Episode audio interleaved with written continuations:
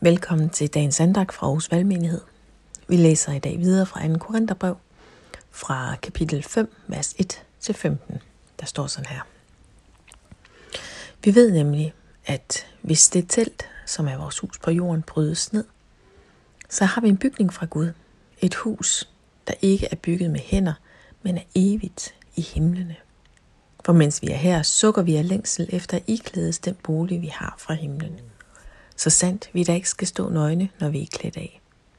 For mens vi bor i teltet, sukker vi besværet, fordi vi ikke vil klædes af, men klædes på, så det dødelige bliver opslugt af livet. Og den, der satte os i stand til det, er Gud, der gav os ånden som pant. Så er vi der altid ved godt mod. Og vi er det, selvom vi ved, at vi ikke kan være hjemme hos Herren, så længe vi har hjemme i lægemet. For vi lever i tro, ikke i det, som kan ses. Men vi er ved godt mod, og vil hellere bryde op fra lægemet og have hjemme hos Herren. Derfor sætter vi en ære i at være ham til behag, hvad enten vi er hjemme hos ham eller ej.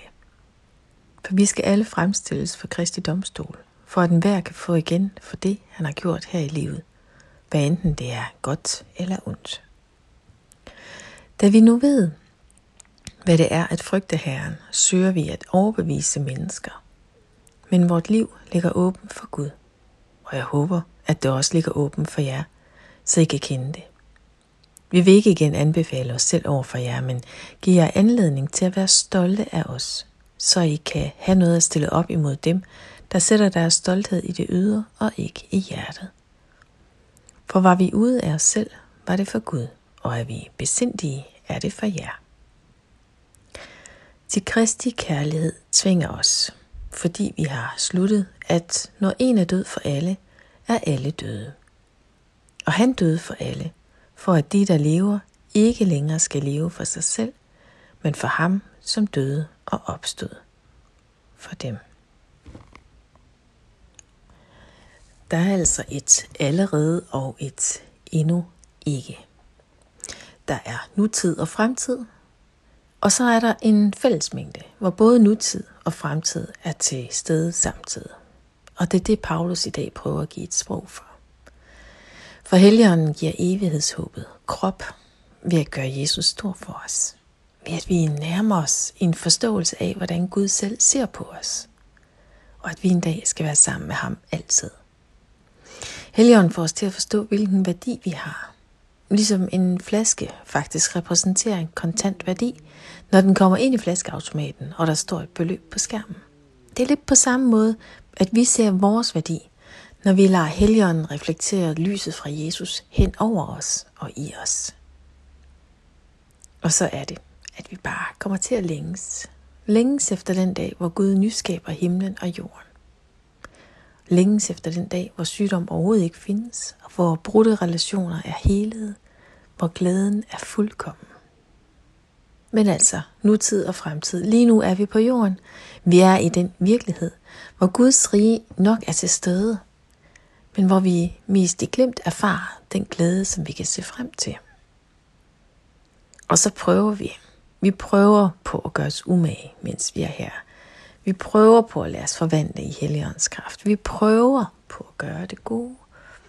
Velvidende, at vi igen og igen har brug for nåden og tilgivelsen i Jesus. Men indtil Jesus kommer igen, den dag han dømmer og nyskaber himlen og jorden, der må vi tage til os, at Jesus død er nok.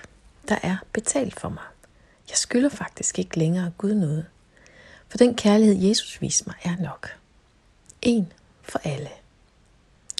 Samtidig så betyder det også, at kærligheden fra Gud tvinger mig i retningen af min næste.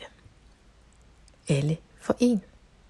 Så en for alle og alle for en. Og jeg kom til at tænke på en illustration af det her med, at Guds kærlighed tvinger mig. Og jeg ved godt, billedet ikke helt holder, men nu prøver vi alligevel.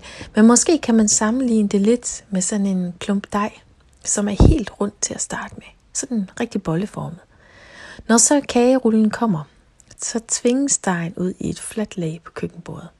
Så fylder den meget mere, og den når faktisk meget langt væk fra sin oprindelige form, og langt væk fra sit oprindelige udgangspunkt.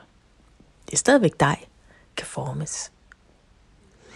Så jeg tror, at, eller prøver at tænke mig til, at når vi rammes af, eller erfarer og tager imod Guds kærlighed, så er det lidt ligesom det her med kagerullen.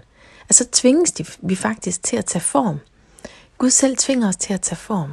Kærligheden selv tvinger os. En kærlighed, som er uden for os selv. Men som stadig peger tilbage på det faktum, at det er Gud, der former os. Og det er Gud, der elskede os først. Lad os bede sammen. Himmelske far, tak, at du har tænkt på hver eneste os, før vi overhovedet blev til. Og tak, at vi er elskede og villet af dig. Sådan helt rigtigt. Helion, jeg beder, at det må blive virkelighed for os i dag. At vi må forstå det. Og Jesus, jeg takker dig for, at din død er nok. Nok for alle. Og Jesus, jeg beder også, at den kærlighed, som du har vist os, må tvinge os i retning af vores næste. Så de også må se og erfare din kærlighed til dem. Hjælp os med det i dag. Amen.